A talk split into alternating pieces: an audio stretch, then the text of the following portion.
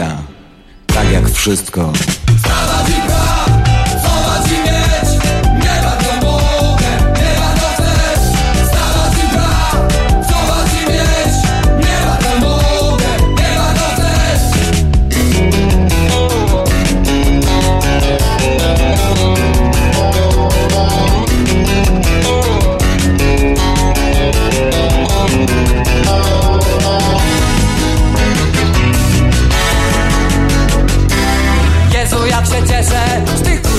Strzeżeń Kiedy pełną kieszeń. Znowu mam Znowu mogę myśleć trochę jakby ściślej I wymyślać śmiało nowy plan. I pięknie jest, nieskromnie bardzo jest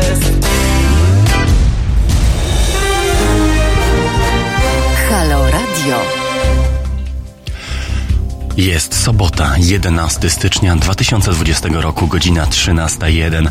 Ja nazywam się Jakub Dymek, realizuje mnie niezawodny Kajetan Strzelczyk i mamy dla Państwa dwie godziny wspaniałego programu na żywo. Zostańcie z nami przynajmniej do godziny 15 w to sobotnie popołudnie w Halo Radio.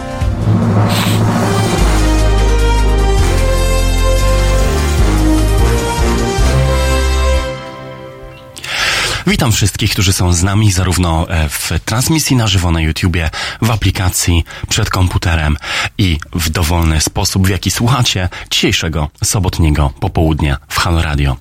Ci z Państwa, którzy słuchają tych sobotnich audycji regularnie, albo przynajmniej częściej, wiedzą, że takim leitmotivem, takim metatematem, czymś, co wraca do nas regularnie w soboty, jest dyskusja o mediach. I tak też będzie w dzisiejszym programie, bo nie da się, jakby nie patrzeć, od tego tematu uciec. Pytania o to, jak media sobie z tym bardzo gorącym, przełomowym czasem ostatnich tygodni poradziły, to jedno. Pytania, gdzie zawiodły, gdzie naprawdę powinniśmy się za naszych kolegów, koleżanki wstydzić, to rzecz druga. A wreszcie kwestia tego, na ile w ogóle taka architektura medialna, jaką mamy, jest w stanie sobie z niezwykłym skomplikowaniem współczesnego, zglobalizowanego świata poradzić, to wielkie pytanie numer trzy.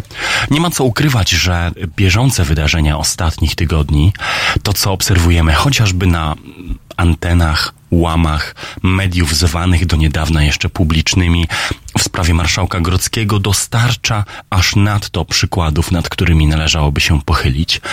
Ja osobiście Rzecz jasna, nie mam zdania na temat tego, czy marszałek Grodzki dopuścił się korupcji kiedykolwiek w swoim życiu, czy też nigdy, bo nie mnie to rozstrzygać. Wydawałoby się, że w XXI wieku, w dużym państwie o ustroju demokratycznym w centrum Europy, to rozstrzygną śledczy czy prokuratura.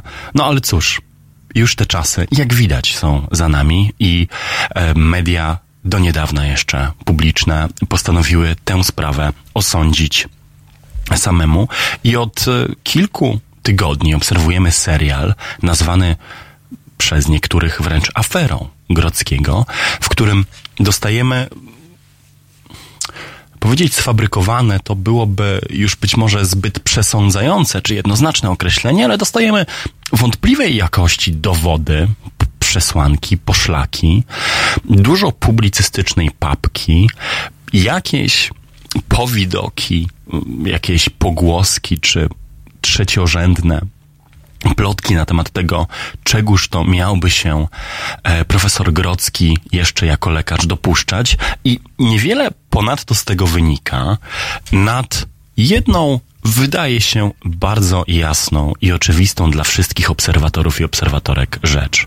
Mianowicie ktoś, kto postanowił tak przygotować te materiały, rozstrzygnął z góry, że profesor Grodzki, marszałek Sejmu, osoba, która o tyle ważna jest w całej politycznej układance, że daje opozycji tą skromną, jednoosobową większość w Izbie Wyższej Polskiego Parlamentu, jest winny.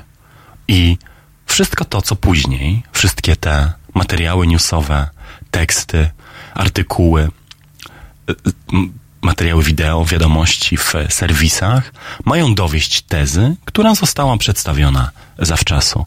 Jest to wielce niepokojący fenomen i bardzo niebezpieczne zjawisko, które Co gorsza, finansujemy wszyscy ze swoich podatków, bo przecież wystarczyłoby poczekać, aż gdyby rzeczywiście jakiekolwiek podejrzenia o korupcji miałyby się potwierdzić, prokuratura rozpocznie w takiej sprawie śledztwo, zostaną postawione jakieś zarzuty, ba, może nawet dojdzie do procesu i wówczas ów proces relacjonować. A przecież mamy tych wyspecjalizowanych agencji ścigających korupcję i przestępstwa polityczne w naszym kraju, aż nadto ich uprawnienia z roku na rok rosną. Wydawałoby się, że gdyby sprawa domniemanej korupcji marszałka Grodzkiego była aż tak oczywista, to przecież dostalibyśmy, tę dowo- dostalibyśmy te dowody na tacy. O tym wszystkim, e, a, a wręcz od tego począwszy, e, zaczniemy rozmowę z Magdaleną M. Baran, redaktorką naczelną magazynu internetowego Liberté, która dołączy do nas kwadrans po godzinie pierwszej.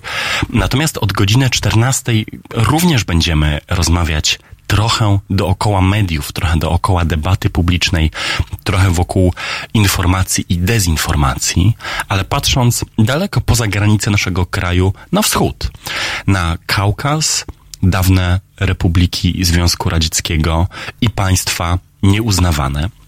Naszym gościem będzie dr Bartłomiej Krzysztan, który właśnie wrócił z kilkutygodniowego wypadu w swoją tematyczną ojczyznę, czyli na Kaukaz właśnie, który opowie nam o tym, e, o czym myślę, że mogę się już pochwalić. W żadnym polskim medium jeszcze nie rozmawialiśmy, czyli o nowych, pierwszych takiego rodzaju protestach w Abchazji, nieuznawanej republice pomiędzy Gruzją a Federacją Rosyjską.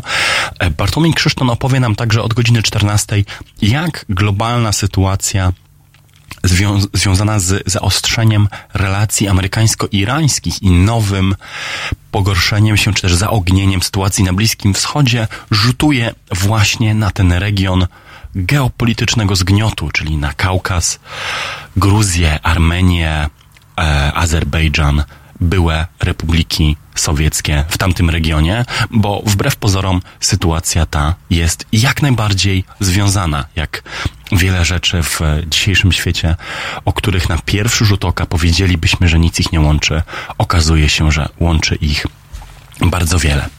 To wszystko do godziny 15 dzisiaj z moimi gośćmi. Jak zawsze możecie zadawać pytania w kanale YouTube w naszej transmisji na żywo z wideo. E, jestem już tam zalogowany. Dzień dobry wszystkim Państwu. Widzę Wasze głosy. Możecie zadawać pytania również mailem do mnie osobiście na dymekmałpa.halo.radio lub do naszego radiowego studia pod adresem teraz małpa halo.radio. Na Wasze pytania zarówno w temacie mediów, debaty publicznej i tego, jak poradziła sobie ona z gorącymi tygodniami nowego roku do Magdaleny M. Baran. Czekamy do godziny 14. Następnie od 14 pytania do naszego drugiego gościa, doktora Bartłomieja Krzysztana, z którym porozmawiamy o sytuacji na Kaukazie w Gruzji, w Abchazji, Osetii, Nagornym Karabachu, Azerbejdżanie i Armenii. Mam nadzieję, że niczego nie pominąłem w tej wyliczance. To wszystko do 15. Bądźcie z nami. Wracamy za chwilę. Halo Radio. Krzysztof Pieczyński, dzień dobry. E, Proszę Państwa, Kuba Wątły jest e, ateistą, ja jestem człowiekiem wierzącym. Ani jemu to nie przeszkadza, ani mnie to nie przeszkadza. Kuba Wątły czasami opowiadając o politykach i sytuacji w Polsce używa słów siarczystych. Może i by mnie to przeszkadzało, gdyby nie to, że uważam, że opowiadanie o tych sprawach wcale nie wymaga odcięcia się od emocji i bycia nieustannie dyplomatą, bo w dyplomacji, którą uprawiamy, wiele spraw zostaje zamiecionych w sposób bardzo brutalny i znacznie gorszy niż siarczystość Kuby pod dywan. W związku z tym mówmy prawdę, zacznijmy mówić prawdę i do tego wiodę. do medium społecznościowego, medium obywatelskiego, które chce założyć Kuba i które zakłada w tej chwili, po to, żeby mówić bez cenzury o sprawach, które nas bolą, po to, żeby patrzeć politykom na ręce i po to, żeby patrzeć na ręce Kościołowi katolickiemu, rozliczyć Kościół katolicki nie tylko za pedofilię, bo to jest jedna z rzeczy. To jest szczyt góry lodowej, o której mówię od wielu lat. Kuba mówi o tym dwa razy dłużej albo trzy razy dłużej i należy mu się to medium. Zapracował na to, na Państwa zaufanie, żeby mieć to medium, żeby dalej mówić o tych rzeczach bez cenzury, bez zamiatania pod dywan. Mówić prawdę. www.halo.radio ukośnik SOS.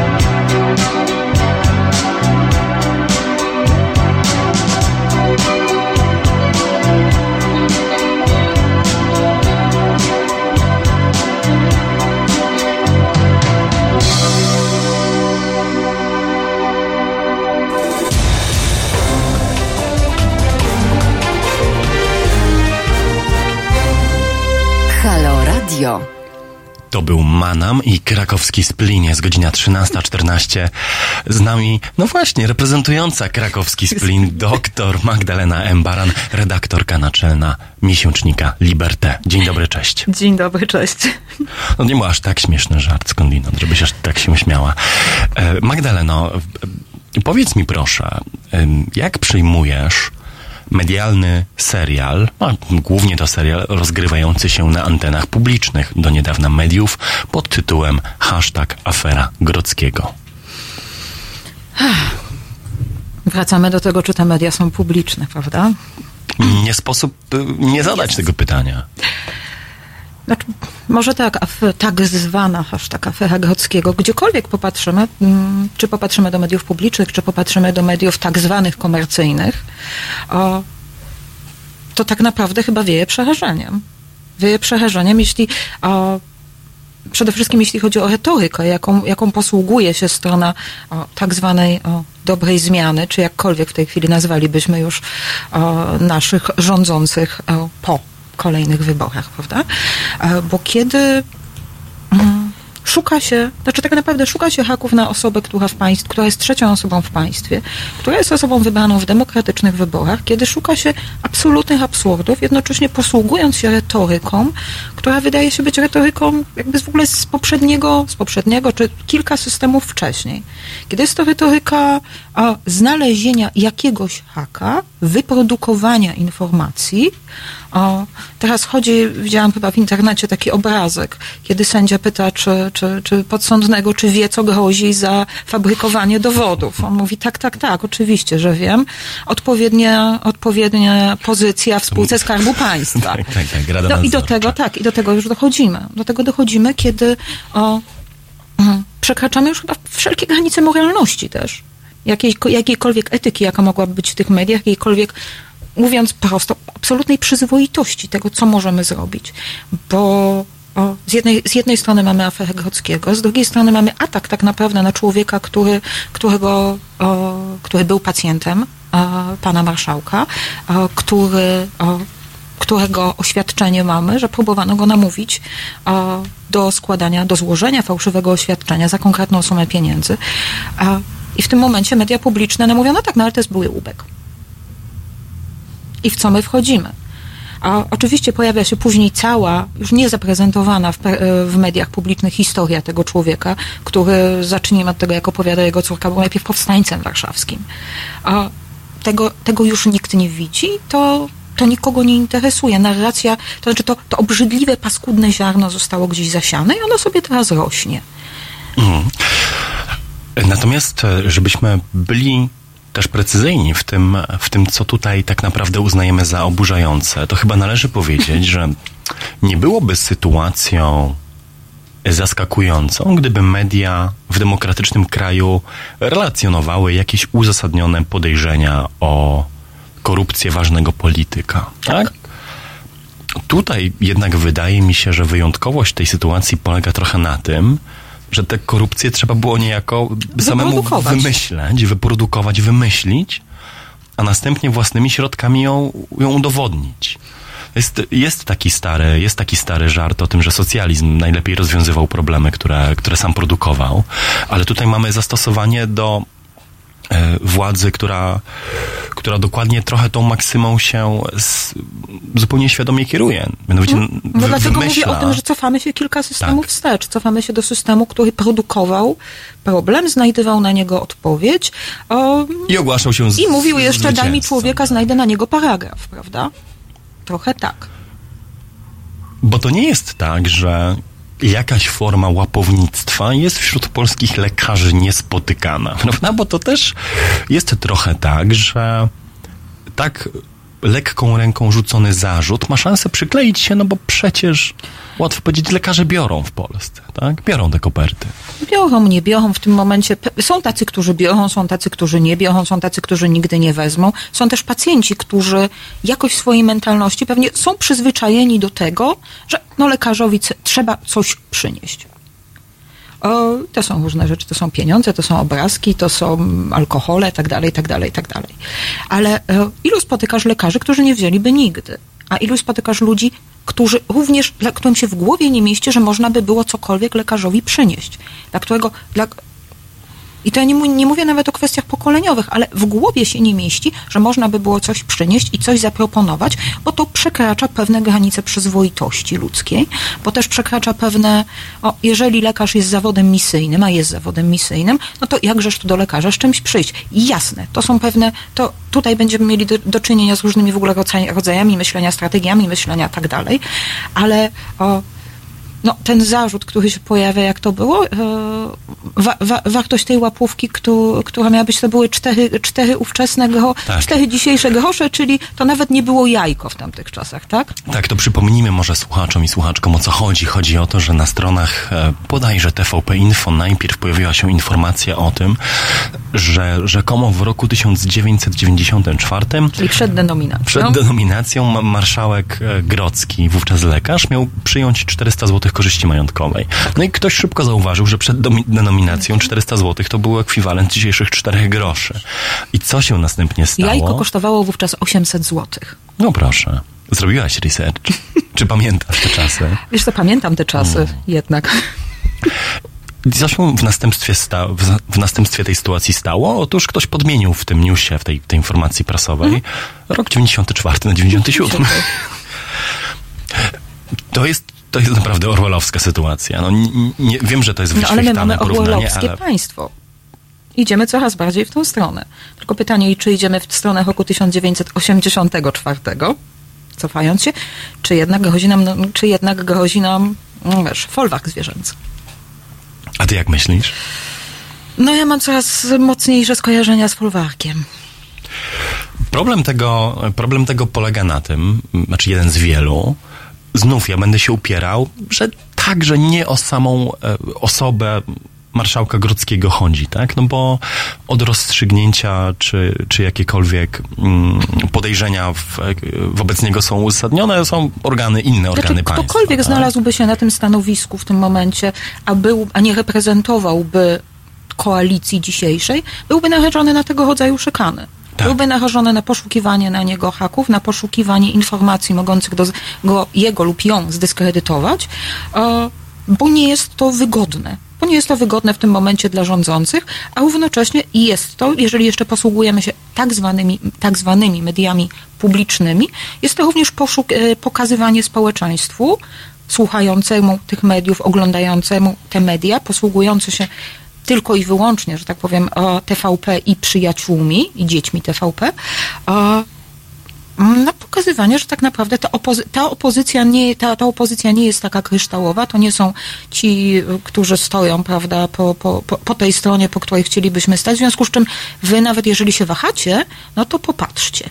I tutaj możemy wyciągnąć cały taki wachlarzyk wszelkich możliwych przywar tego, tego pana lub tego pana, a bierzmy pod uwagę, że zmierzamy jednak ku kolejnym wyborom, zmierzamy ku wyborom prezydenckim a, i to jest paliwo, którym tak naprawdę PiS się będzie napędzał, którym będzie można napędzać a, również kampanię samego Dudy, mm, która za chwilę się zacznie na poważnie. W wydawnictwie, z którym akurat obydwoje współpracujemy, w Arbitrorze, ukazała się w grudniu książka byłego pracownika TVP, Mariusza Kowalewskiego, o tytule TV Propaganda, czy TV Propaganda, jak kto woli, która opisuje liczne y, przykłady o, przynajmniej naruszeń etyki dziennikarskiej, żeby nie powiedzieć poważniej. To bardzo rzeczywiście e, duży eufemizm z mojej strony. Natomiast tam jest, e, jeżeli, jeżeli coś em, się przewija tam jako em, stały temat, to, no, to jest to wykorzystywanie telewizji publicznej jako prywatnego narzędzia e, dyskredytowania swoich przeciwników. I to, co ciekawe, nie konkretnej grupy przeciwników, tylko tych, których się ad hoc znajdzie, czy ad hoc w tym danym tygodniu, czy, czy sezonie politycznym są jako przeciwnicy potrzebni. I mechanizm opisany przez Kowalewskiego, tych takich bezpośrednich dyspozycji, że dzisiaj, dzisiaj trzeba, Dzisiaj ten. dzisiaj ten, jutro ten, pojutrze ten, jest w istocie, jest w istocie przerażający, ale też mm, interesujące jest to, jak on z bycia strategią polityczną przesiąknął do mediów publicznych jako sposób myślenia. To znaczy, nawet wydaje mi się teraz jest tak, że nie potrzeba dyspozycji politycznej, tylko sposób produkowania paszkwilów na przeciwników politycznych zlał się zupełnie tym ludziom zrobieniem informacji. Znaczy ja mam wrażenie, I nie że to jest po różnicy. prostu produkcja taśmowa. To jest produkcja taśmowa, która wygląda tak jak słynny, prawda, przekaz dnia, jaki dostają posłowie. Bo zacznijmy od tego, Tak. że posłowie przeważnie dostają, prawda, przekaz dnia, y, o kim rozmawiamy dzisiaj, w jaki sposób rozmawiamy dzisiaj. Z tym samym mamy do czynienia w mediach. Jeżeli popatrzymy, a ja czasami ze swoimi studentami robię taki eksperyment, ze studentami politologii i mówię im, dobrze, to obejrzyjcie sobie po kolei Mhm. Wszystkie wiadomości. Obejrzyjcie sobie Polsat, TVN, potem TVP. Oni na koniec jeszcze czasami oglądają telewizję Trwam, bo to tak po kolei idą te wieczorne wydania, czy te no, wydania około 19. I popatrzcie, jakie są informacje i w jaki sposób są one przedstawiane. I to, jak bardzo, mm, znaczy dla nich jest to absolutnym zaskoczeniem, kiedy no, posługując się jednak głównie mediami społecznościowymi i tymi przekazami, które dostają na, na Facebooka, bo tak oni się z informacjami zapoznają, kiedy popatrzą w ten telewizor, ale jak, ale co? I tak naprawdę ten przekaz TVP jest przekazem najbardziej, mm, z jednej strony najbardziej upolitycznionym, a z drugiej strony tak absolutnie płaskim. Płaskim w tym sensie, że tam żadna informacja nie e, w, te, e, w tej rzece obrzydliwości, która, która płynie na paskach, tak naprawdę żadna informacja nagle się tak nie wybija, bo one są wszystkie tak, tak do siebie podobne, w, dlatego mówię o tej seryjnej produkcji, że to jest seryjna produkcja bzdury, seryjna produkcja paszkwili, seryjna produkcja szkalowania. Ale to jest, Znaczy, że jest pewna mówiąc tak naprawdę też. na jedno kopyto trochę. Ja e, w ramach researchu do dzisiejszego programu i nie tylko e, zwiedzałem ostatnio strony informacyjne, czy nie, żebym to robił aż tak rzadko, ale jedna informacja rzeczywiście utkn- utkwiła mi w głowie z ostatnich paru dni i wyglądała ona mniej więcej tak. W Warszawie zatrzymano młodego człowieka y, za posiadanie narkotyków. To jak ten przepis w Polsce funkcjonuje, dlaczego, jak jest egzekwowany, to jest zupełnie odrębny temat, ale zatrzymano młodego człowieka w jego własnym samochodzie na postoju. Okazało się, że w schowku miał niewielkie ilości narkotyków. No i policja go aresztowała, wszczęte zostały odpowiednie procedury, sprawa zamknięta. Tylko okazało się, że on nosi to samo nazwisko, co poseł Koalicji Obywatelskiej. I to nie zresztą jakiś najważniejszy, pierwszorzędny poseł. Słuchaj, natychmiast, moim zdaniem, nie wiem, czy rodzice zdążyli się dowiedzieć tego młodego człowieka, natychmiast ta informacja była w głównym serwisie ogólnopolskich pseudopublicznych mediów No bo to jest narzędzie dyskredytowania z tytułem osób? syn, Syn posła, posła? syn posła Koalicji Obywatelskiej z narkotykami. To jest... Widzisz, ja się dziwię, nie powinienem już, no przecież piąty rok to oglądamy, a z drugiej strony wykorzystanie polityczne czegoś takiego, też tak drobnego, bo umówmy się, w Polsce z drobnymi ilościami narkotyków ludzie łapani są, łapani są s- s- seryjnie. Wykorzystanie czegoś takiego jako narzędzie dyskredytacji człowieka, który nie ma najmniejszego wpływu na to, wpływu na to co robi jego syn. Wcześniej skądinąd przetestowany na Rzeczniku Praw Obywatelskich Adamie Bodnarze o smutnych przygodach, którego syna także Mhm, tak. robiono bardzo wiele materiałów. Jest znowu nowym dnem. Bo kiedy robi się uzasadnione skądinąd e, materiały o synu Beaty Szydło, który stał się bohaterem mediów właśnie dlatego, że cały rząd celebrował jego kapłańskie powołanie i właśnie te Tak, publiczne tak, tak. Mieliśmy, media. prawda, mieliśmy celebrowanie na Jasnej Górze prymicji młodego człowieka, e, który myślę, że tak naprawdę całkowicie się w tym w ogóle pogubił. Tak. I, I sądzę, że te same media, które w tym momencie, już abstrahując od tego, czy to jest syn Beaty Szydło, czy to jest syn posła koalicji, tak naprawdę zrobiono prawdopodobnie temu młodemu człowiekowi gigantyczną krzywdę. Zrobiła mu ją matka również, ale wpisało to, wpisało to się w pewną opowieść, no właśnie, o tym, o tym, jak media nam potrafią rozwalić życie. Straszny to jest, a przed nami jeszcze e, cały rok. Dopiero zaczęliśmy. Dopiero tak. zaczęliśmy. Zbliża się 13.30. E, My z Magdaleną Emparan wracamy po dżemie i liście do M w e, nieco bardziej szerokiej niż wyłącznie polska perspektywa w rozmowie o mediach do godziny 14. Bądźcie z nami.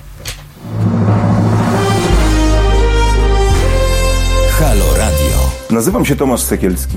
Często od moich widzów, słuchaczy, czytelników słyszę, że brakuje w Polsce medium obywatelskiego. Medium, które na poważnie traktowałoby swoich odbiorców. Medium, z którym odbiorcy mieliby kontakt. Medium, które reagowałoby na to, co myślą, co mówią, co piszą, co robią jego odbiorcy. Teraz jest szansa, aby takie medium powstało. Wbijajcie na Patronite'a, a tam odszukajcie profil Fundacji Obywatelskiej. Możecie wpłacić pieniądze, bo ta fundacja pracuje nad stworzeniem nowego medium. Medium obywatelskiego. Radia z wizją. Ja też będę w tym projekcie. www.halo.radio ukośnik SOS.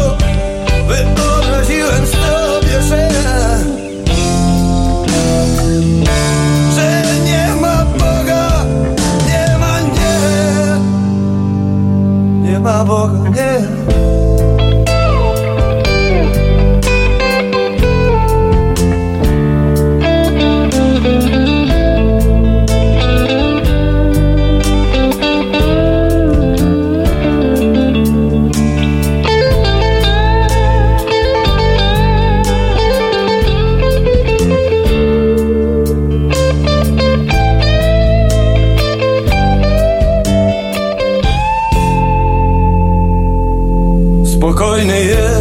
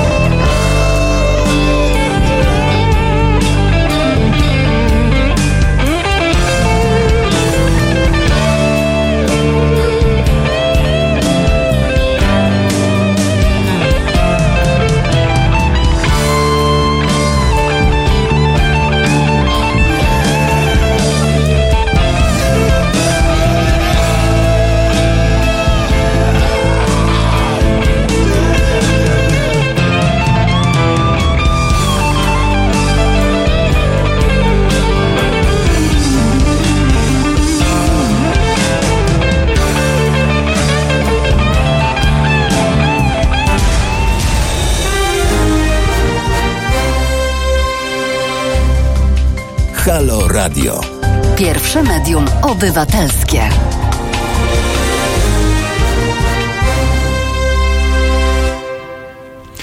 Trzynasta trzydzieści siedem. Ja nazywam się Jakub Dymek. To jest sobotnie popołudnie. Halo Radio. Ze mną jest cały czas dr Magdalena M. Baran, redaktorka naczelna miesięcznika Liberté. Witamy ponownie. Ja wiem, że temat medialny mieliśmy em, przynajmniej na kanwie polskich sporów i polskich spraw zakończyć, ale nie można nie powiedzieć, że przecież blisko równo rok temu zamordowany na trójmiejskim finale Wielkiej Orkiestry Świątecznej Pomocy został prezydent Paweł Adamowicz. I to wtedy, po tamtym tragicznym wydarzeniu, wszystkie media i wszystkie siły polityczne deklarowały odpuszczenie języka totalnej wojny i polaryzacji tak toksycznej, że aż prowadzącej do śmierci. Ta atmosfera trwała ile? Dwa tygodnie? Coś A- koło tego. A najbardziej uwikłane, czy najbardziej głęboko zanurzone w ten toksyczny, e, nienawistny język i mechanizm media narodowe w ogóle nie zmieniły swojej retoryki, jaką stosowały wobec Pawła Adamowicza, tylko przeniosły ją na kolejne osoby.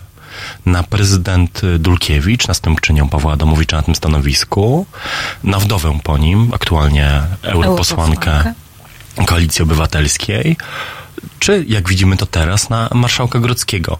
Ja mówię to z autentycznym przejęciem, bo, bo znowu to nie jest tak, że to są jacyś politycy, z którymi ja czuję jakąś wielką zbieżność światopoglądową, natomiast czuję z nimi więź jako z ludźmi, którzy są Empatia. tak, którzy są obiektem bezpodstawnej nagonki. Bo w tych materiałach, przepraszam za długi monolog, zaraz ci oddam głos, ale w tych materiałach nie ma właściwie, lub bardzo rzadko, jest choćby słowo odniesienia do tego, jakie ci ludzie mają poglądy, jakie podejmują decyzje, jakie są ich polityczne drogi.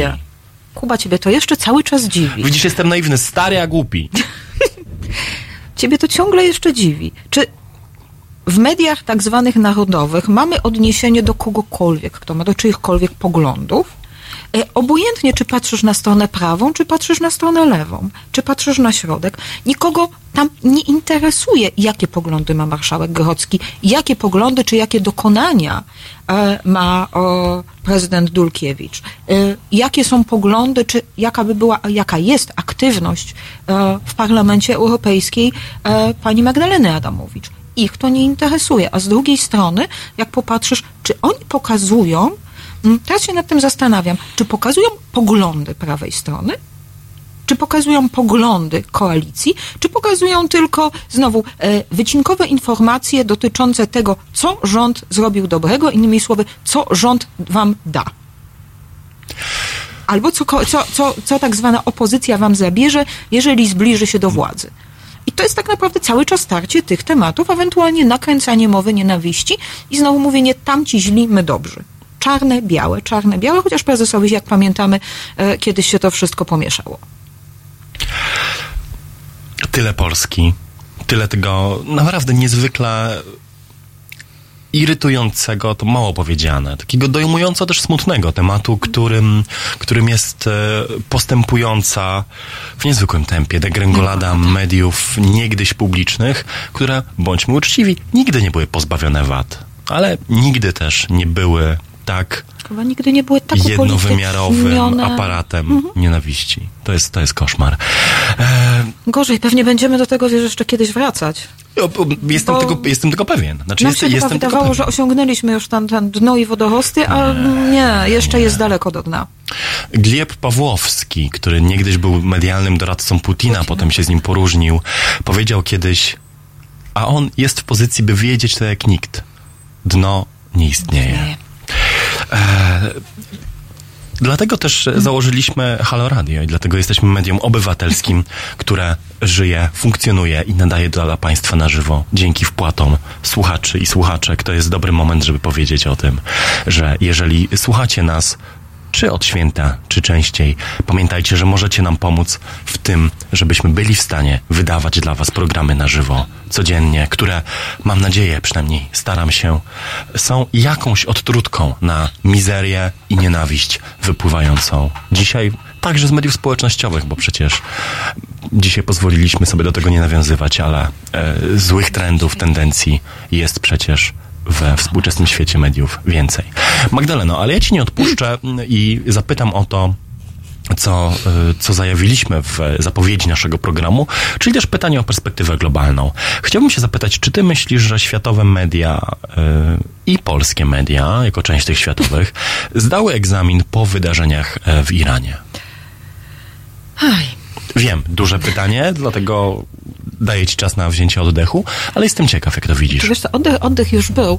O, ja patrzyłam z przerażeniem, zajmując się wojną i zajmując się nią praktycznie zawodowo, o, poniekąd, o, ale jak również tą etyką dziennikarską w czasie wojny. Znaczy, dla jasności, Magdalena Embaran nie jest żołnierką, nie, nie, nie, nie zajmuje się wojną, na szczęście w tym aspekcie. O, powiedzmy, zajmując się myśleniem o wojnie. Czy, czy, czy, dobrze. Wydaje mi się, że te media o tyle nie zdaczy, zdały, nie zdały egzamin. O, mieliśmy pewien przekaz. A przekaz za, zakotwiczał się tak naprawdę na, o, znowu, na mediach społecznościowych.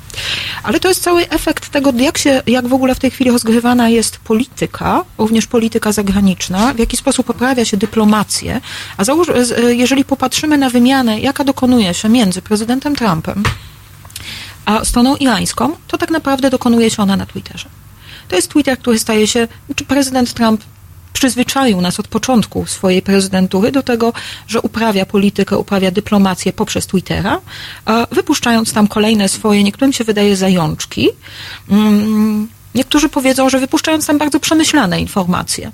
Bardzo przemy- że niektórzy powiedzą, że to jest prawda jego, e, jego impulsywność, niektórzy powiedzą, nie, nie, ta impulsywność to jest tak naprawdę sposób uprawiania polityki, który on wybrał i wybrał go świadomie. A to raz. Oczywiście o, no możemy sobie dołożyć do tego, że z Trumpem nikt, nikt, nikt, nikt na poważnie nie będzie rozmawiał, o, jeśli chodzi o specjalistów, w związku z czym nikt, nikt ze specjalistów, na przykład tutaj w przypadku Iranu, nie chciałby być widziany z Trumpem, kiedy on podejmuje takie, a nie inne decyzje. Ale wracamy oczywiście, e, schodzimy w, schodzimy w dół, idziemy do mediów. E, media relacjonowały tak naprawdę na początku tweety. A jakie pojawiają nam się informacje? Informacje, które my mamy, to jest, e, prawda, ten atak na, na ambasadę amerykańską w Bagdadzie. I zaczyna się to przeciąganie liny. Zabójstwo Sulejmaniego, tu bombardowanie, tu odgrażanie, tu Iran, który ostatecznie sięga po, um, po rakiety, bombarduje prawda, bazy amerykańskie czy bazy koalicyjne, mówiąc, że sięgają po 51 artykuł a w związku z czym powołują e, karty Narodów Zjednoczonych, w związku z czym powołują się na prawo do samoobrony indywidualnej i zbiorowej, równocześnie mówiąc, że oni nie chcą eskalacji przemocy. I wydaje się, że gdzieś tutaj to się wszystko kończy. Mm, po czym wychodzi, wychodzi następnego dnia, czy nie tego samego dnia wychodzi, e, wychodzi Trump, e, jest ten jego, ta jego konferencja prasowa, wygłasza e, niemalże odezwę do narodu irańskiego na końcu, jak to jesteście pięknym, wspaniałym narodem i jak to my wam pomożemy. Wzywa równocześnie Radę Bezpieczeństwa, wzywa NATO do głębszego za, za, zaangażowania się w procesy bliskowschodnie w tle mamy możliwość renegocjowania e, traktatów e, związanych z bronią atomową. I tyle mamy. Przekaz medialny o, tak naprawdę o, pokazuje tylko pewne fakty. O, ja się zastanawiałam, czy w jakimkolwiek z tych mediów, patrzyłam jak to relacjonowały polskie media, patrzyłam na CNN, na Sky News, e, na BBC, na Euronews. U nas ten przekaz był, mm, wydaje mi się, taki bardzo mm, czy, czy mało rzetelny. Powierzchowny? Powierzchowny. Może tak. Może, może on był dość powierzchowny, mimo że starano się o, w niektórych programach wyciągnąć coś więcej, pokazać, jakie to ma znaczenie, pokazać, jakie to ma, z jednej strony, jakie to ma podłoże, mm, jak, jak długo ten konflikt trwa, z drugiej strony, jakie to ma konsekwencje. Pytanie, które u nas się pojawiło, e, no to jeżeli popatrzysz na, e, popatrzymy na, na, na to, co media pokazywały, e, media tak zwane narodowe, znowu niestety zejdziemy trochę niżej, no to najważniejszy, najważniejszy przekaz e, tutaj to było to, że zebrała się, ma się zebrać Rada Gabinetowa, e, która jak wiemy nie ma absolutnie żadnego znaczenia, bo to jest tylko e, obrady rządu, które i tak się odbywają we wtorki, a na, na wtorek tą Radę Gabinetową zebrano. Z prezydentem i tyle. A druga część nie u nas nie zebrała się Rada Bezpieczeństwa Narodowego. Uważam, że to jest tak absolutnie niezagospodarowane i nieopowiedziane, dlaczego ta Rada się powinna była zebrać, bo my opowiadamy tylko, a przekaz medialny był generalnie taki, znowu trafiający do większości społeczeństwa, czyli TVP i przyjaciele, e, że tak naprawdę nie ma żadnego zagrożenia. No i zaczęto się tylko zastanawiać nad tym, czy my możemy, czy, czy może powinniśmy wycofać tych naszych żołnierzy z Iraku. I tyle. Międzynarodowe media jednak e, podjęły się analizy sytuacji, e, przyglądnęły się trochę dokładniej temu, jakie to może mieć konsekwencje. E, kiedy Trump zaczął mówić o, w, tym swoje, w tym swoim przemówieniu on o, mm, o samodzielności, o, z jednej strony o tym, w jaki sposób urosła za jego prezydentury, bo on oczywiście zaczyna już kampanię prezydencką, to też pamiętajmy, że, że te wybory jednak są w tym roku i on walczy o reelekcję, a póki co jak popatrzymy na to spektrum kandydatów, to kontrkandydatów z drugiej strony, no to tak na poważnie nie wiem, czy demokraci mają jakiegoś kontrkandydata, który nie, nie wygląda walczyć, to, nie wygląda, to nie wygląda to, na to dobrze. Na... W związku z czym on zaczyna kampanię. On zaczyna kampanię w momencie jeszcze, dołóżmy, to jest dzień przed przed, przed, przed debatą o impeachmencie czyli o możliwym usunięciu prezydenta Trumpa ze stanowiska, on e, wchodzi w napięcie, e, napięcie z Bliskim Wschodem, czyli tak naprawdę w napięcia, które w Stanach są stare. E, w narracje, które mamy, oni tam są od 97 roku przecież. Oni są od 97 roku, no i to jest pytanie, czy w końcu, i to jest ten przekaz medialny, czy w końcu wojska koalicji powinny wycofać się z, z Iraku gdzie siedzą, jak wiemy, od, od akcji Pustynna Burza.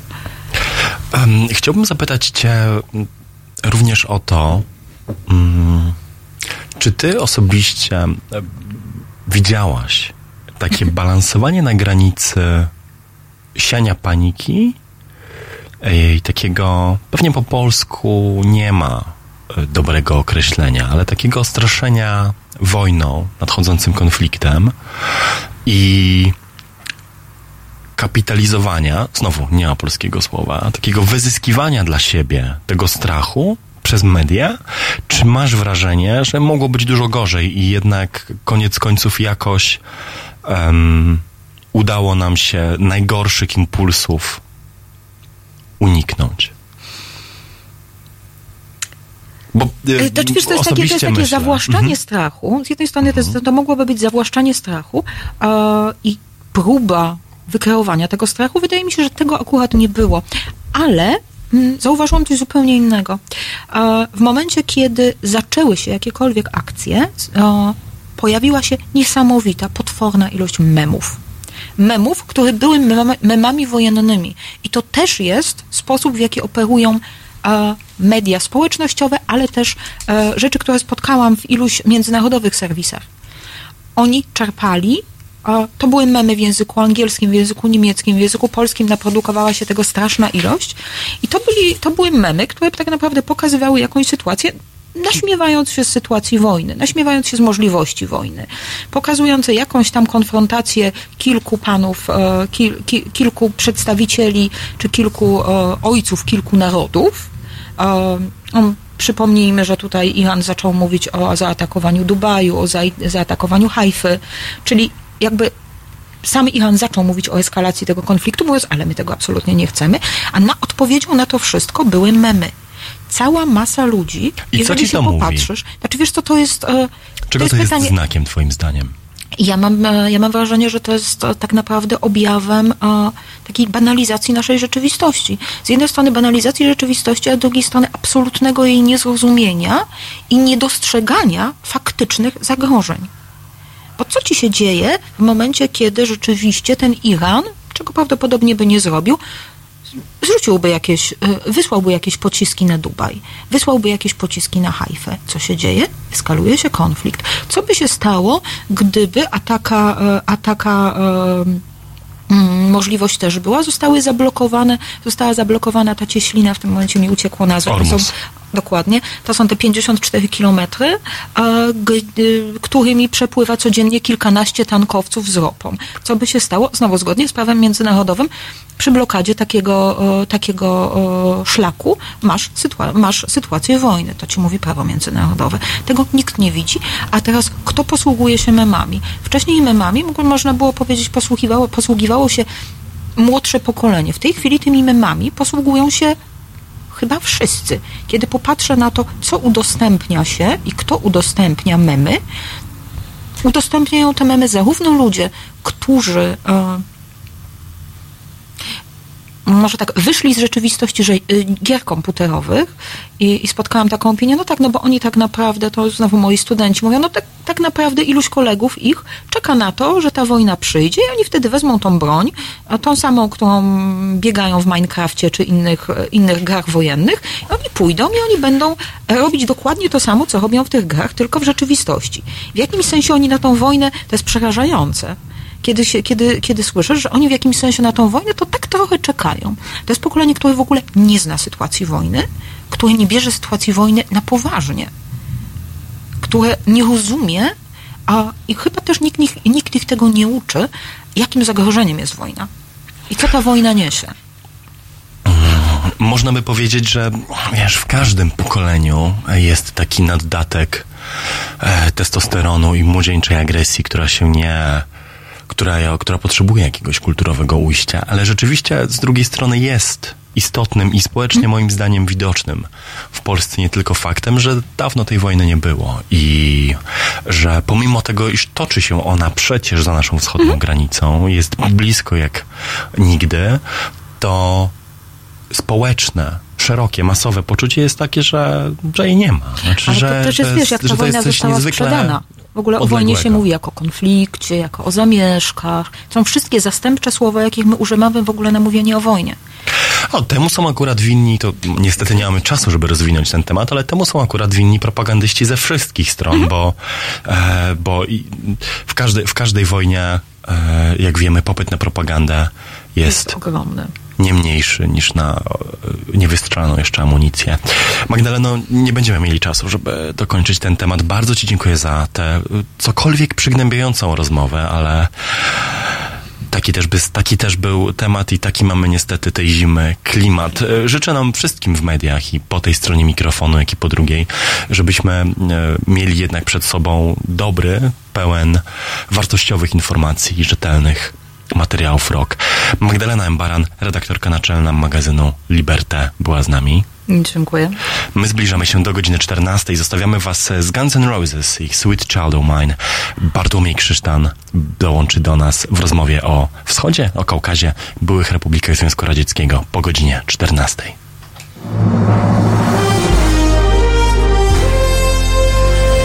To proste. Żeby robić medium prawdziwie obywatelskie, potrzebujemy Państwa stałego wsparcia finansowego. Szczegóły na naszej stronie www.halo.radio, w mobilnej aplikacji na Androida i iOS-a oraz na koncie Fundacji Obywatelskiej w serwisie www.patronite.pl. Naszym darczyniom i darczyńcom serdecznie dziękujemy. www.halo.radio. Słuchaj na żywo, a potem z podcastów.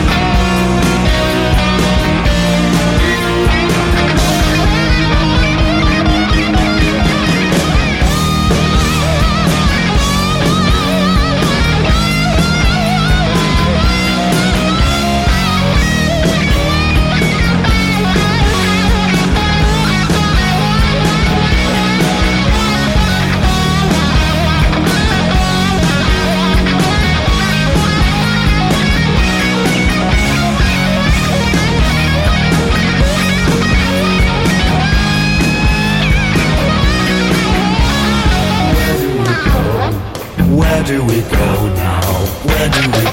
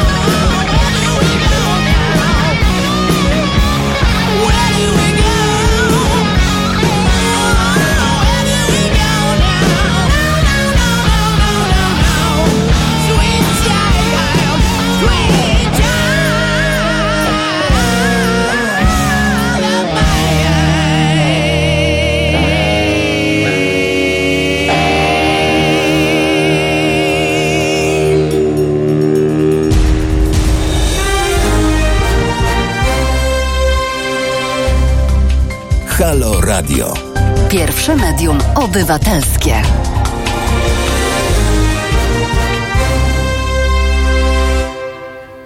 Jest 14.01, ja nazywam się niezmiennie Jakub Dymek. Słuchacie Państwo sobotniego popołudnia w Halo Radio. Jest ze mną drugi z moich dzisiejszych zapowiadanych gości, dr Bartłomiej Krzysztan. Cześć Kuba, dzień dobry Państwu. Dzień dobry i cześć. Zapowiedzieliśmy w naszej rozmowie dzisiaj słuchaczom i my ustalając sobie to między sobą, że rozpoczniemy od pytania o to, jak, dlaczego i po co protestują ludzie w państwie nieuznawanym, czyli czego dotyczą, dotyczą te bezprecedensowe protesty w Abchazji. Gdzie w ogóle Abchazja jest? O co burzą się, mówiąc kolokwialnie, mieszkańcy tego nieuznawanego państwa i jak wygląda sytuacja na miejscu?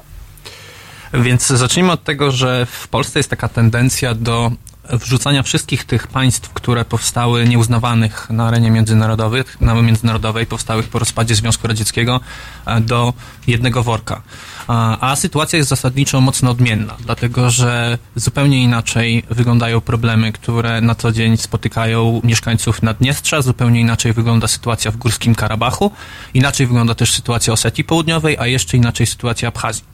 I Abchazja na tle tych wspomnianych, do tego jeszcze dodać można Doniecką Republikę Ludową i Łuchańską Republikę Ludową, które powstały e, po 2014 roku, po e, rosyjskiej agresji na wschodniej Ukrainie, na Donbasie, e, które też są swego rodzaju państwami nieuznawanymi. Abchazja na, na, na tle tych wszystkich pozostałych dość specyficzna, dlatego że wbrew wszystkiemu, wbrew temu nieuznaniu na arenie międzynarodowej, jest to państwo dość demokratyczne, powiedziałbym. W związku z tym tego rodzaju protesty, które odbywają się teraz, nie są pierwszymi w historii Abchazji, bo taka dość duża rewolucja i dość duże protesty odbyły się w roku 2014 e, w maju, kiedy to e, ludność abchaska wystąpiła przeciwko ówczesnemu prezydentowi, który nazywał się Aleksandr Ankwap. Pozostały tutaj powody, dla którego w 2014 roku te protesty wybuchły. E, Wówczas prezydentem został Raul Hadzimba. E, W sierpniowych wyborach e, uzyskał on największą ilość głosów.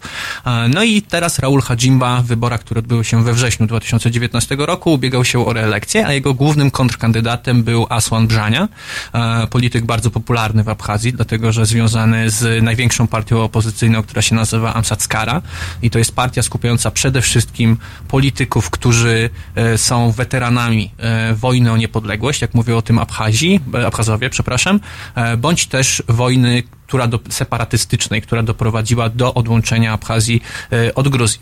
E, Czyli walczyli przeciwko Gruzinom i dzisiaj zgrupowani są w jednej partii, nie w jednym wszyscy, stronnictwie nie politycznym. wszyscy, ale stanowią jakby zarówno na poziomie formalnym, to znaczy zgrupowani wo, wokół tej partii, jak i też na poziomie bardziej nieformalnym. E, weterani tej wojny stanowią bardzo ważną część abchaskiej polityki, a Raul Hadzimba, aktualny prezydent, nie należy do końca do, do tej kliki.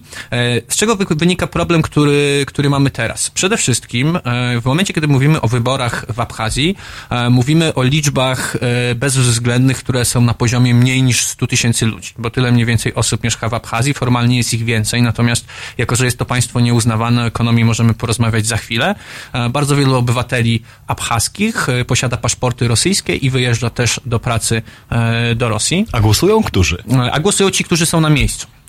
I w tych wyborach wrześniowych ki, przy, różnica głosów pomiędzy zwycięskim prezydentem, urzędującym prezydentem Hajimbą a, i jego kontrkandydatem Asłanem Brzanią a, wynosiła mniej niż tysiąc głosów, więc jest to różnica minimalna, a, w związku z czym opozycja bardzo szybko podniosła e, głosy, że były to wybory nie do końca przeprowadzone e, zgodnie z demokratycznymi standardami, które, tak jak powiedziałem na samym początku, w Abchazji jak na państwo nieuznawane, taką trochę dziką republikę, e, są w miarę przestrzegane. To poczekaj, to jeszcze, jeszcze na sekundę ci przerwę, bo to dobrze zresztą, że ciśnie mi się tyle pytań na usta. A kto rozstrzyga o legalności i demokratyczności wyborów w państwie nieuznawanym? Czy one są monitorowane na przykład przez OBWE?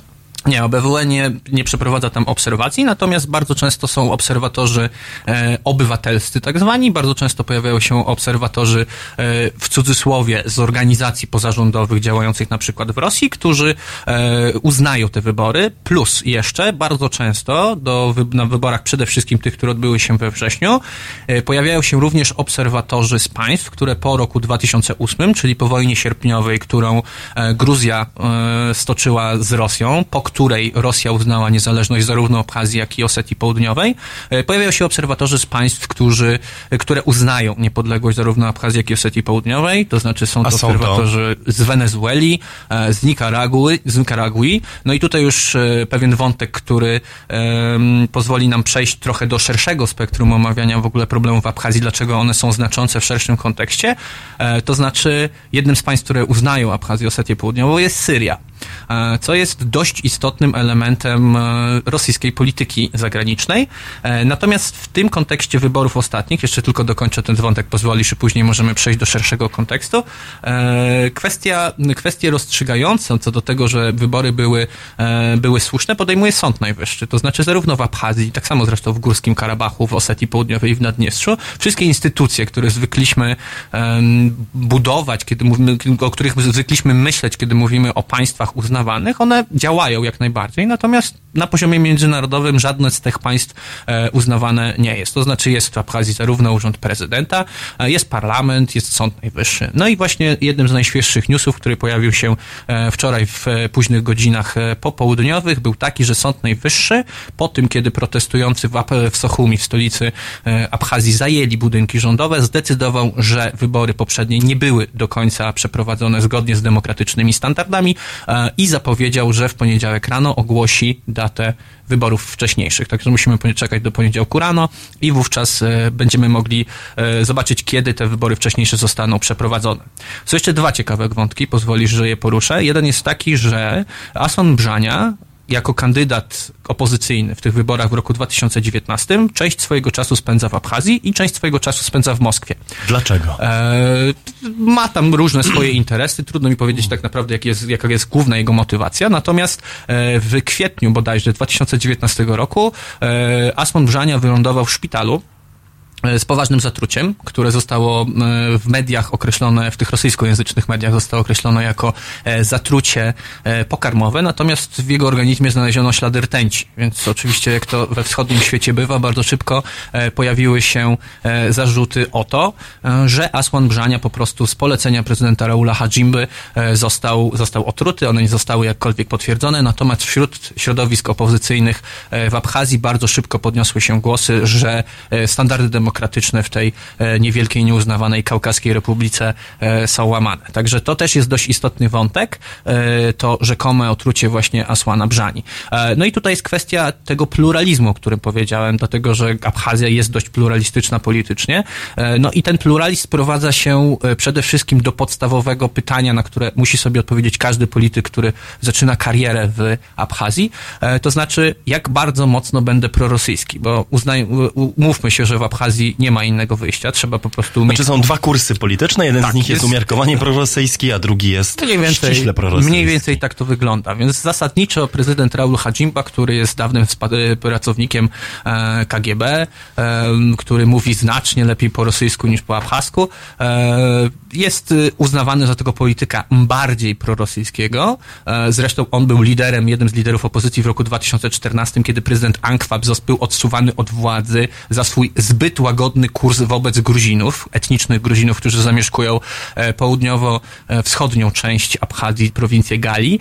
E, Natomiast e, Aswan Brzania w tej chwili reprezentuje powiedzmy ten kurs bardziej umiarkowany. No wynika to przede wszystkim z tego, że Abchazja mimo, że, mimo tego, że wizualnie jest niezwykle piękna, to jest wybrzeże, północne wybrzeże Morza Czarnego, przyciąga mnóstwo turystów, ale niestety tylko i wyłącznie z Rosji.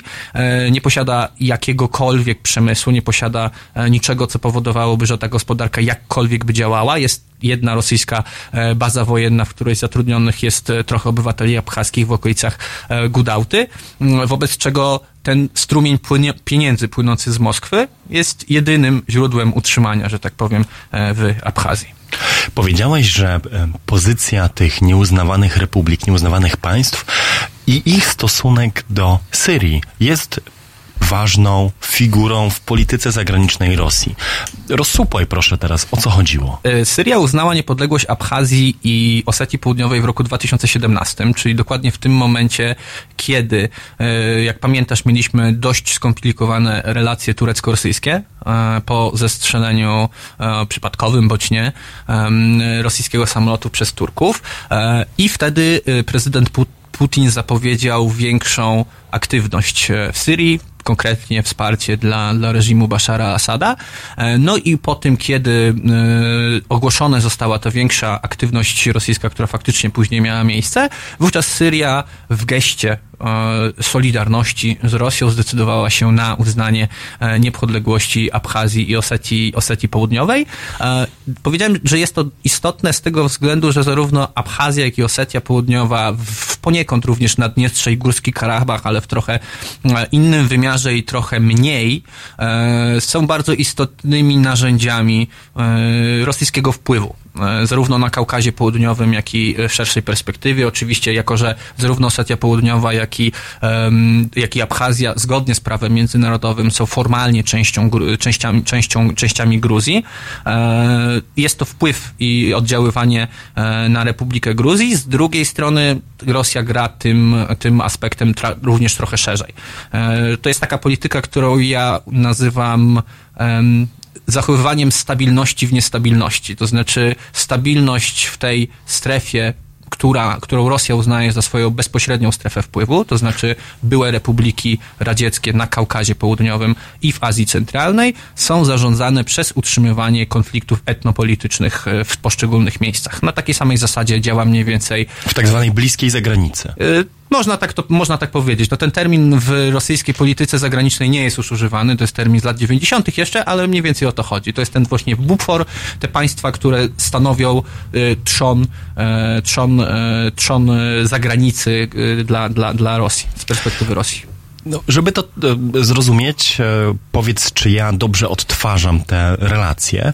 Chodzi również o to, że państwa ościenne, sąsiadujące z Rosją, są postawione przed takim, takim dylematem, że im lepsze miałyby relacje z Federacją Rosyjską, tym mogą spodziewać się, że Rosja będzie mniej wspierać separatyzmy w ich poszczególnych e, krajach.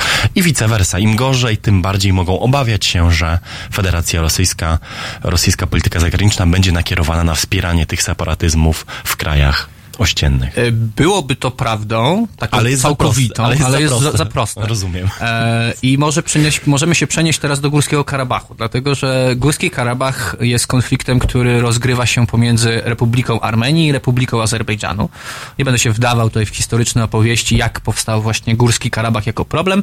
Zasadniczo e, w tej chwili, po wojnie, która zakończyła się w roku 1994, e, Górski Karabach, który formalnie jest częścią Azerbejdżanu, jest całkowicie pod kontrolą Ormian. Wszyscy Azerbejdżanie zostali stamtąd e, wyrzuceni. Oni są wewnętrznymi uchodźcami w Azerbejdżanie najczęściej.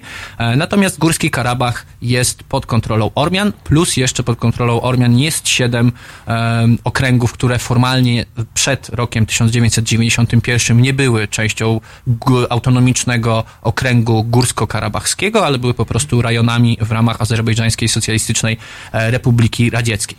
I kwestia jest taka, że do roku 2016 y, Twoje zdanie byłoby w pewien sposób udowadnialne. Można by było powiedzieć, że faktycznie tak jest, dlatego że w powszechnym mniemaniu e, Rosja pomagała Armenii w konflikcie z Azerbejdżanem. Ormianie ten konflikt w 1994 roku wygrali, natomiast jest to pa- państwo, które e, na zbrojenia, e, na całkowity budżet Armenii jest taki jak budżet Azerbejdżanu na zbrojenia. Więc zasadniczo no tutaj ta asymetria e, od czasu zakończenia konfliktu jest dość znaczna.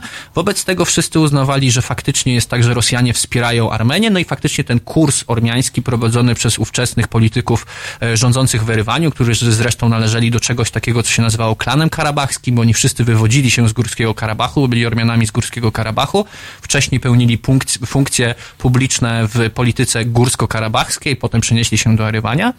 Kurs był bardzo prorosyjski.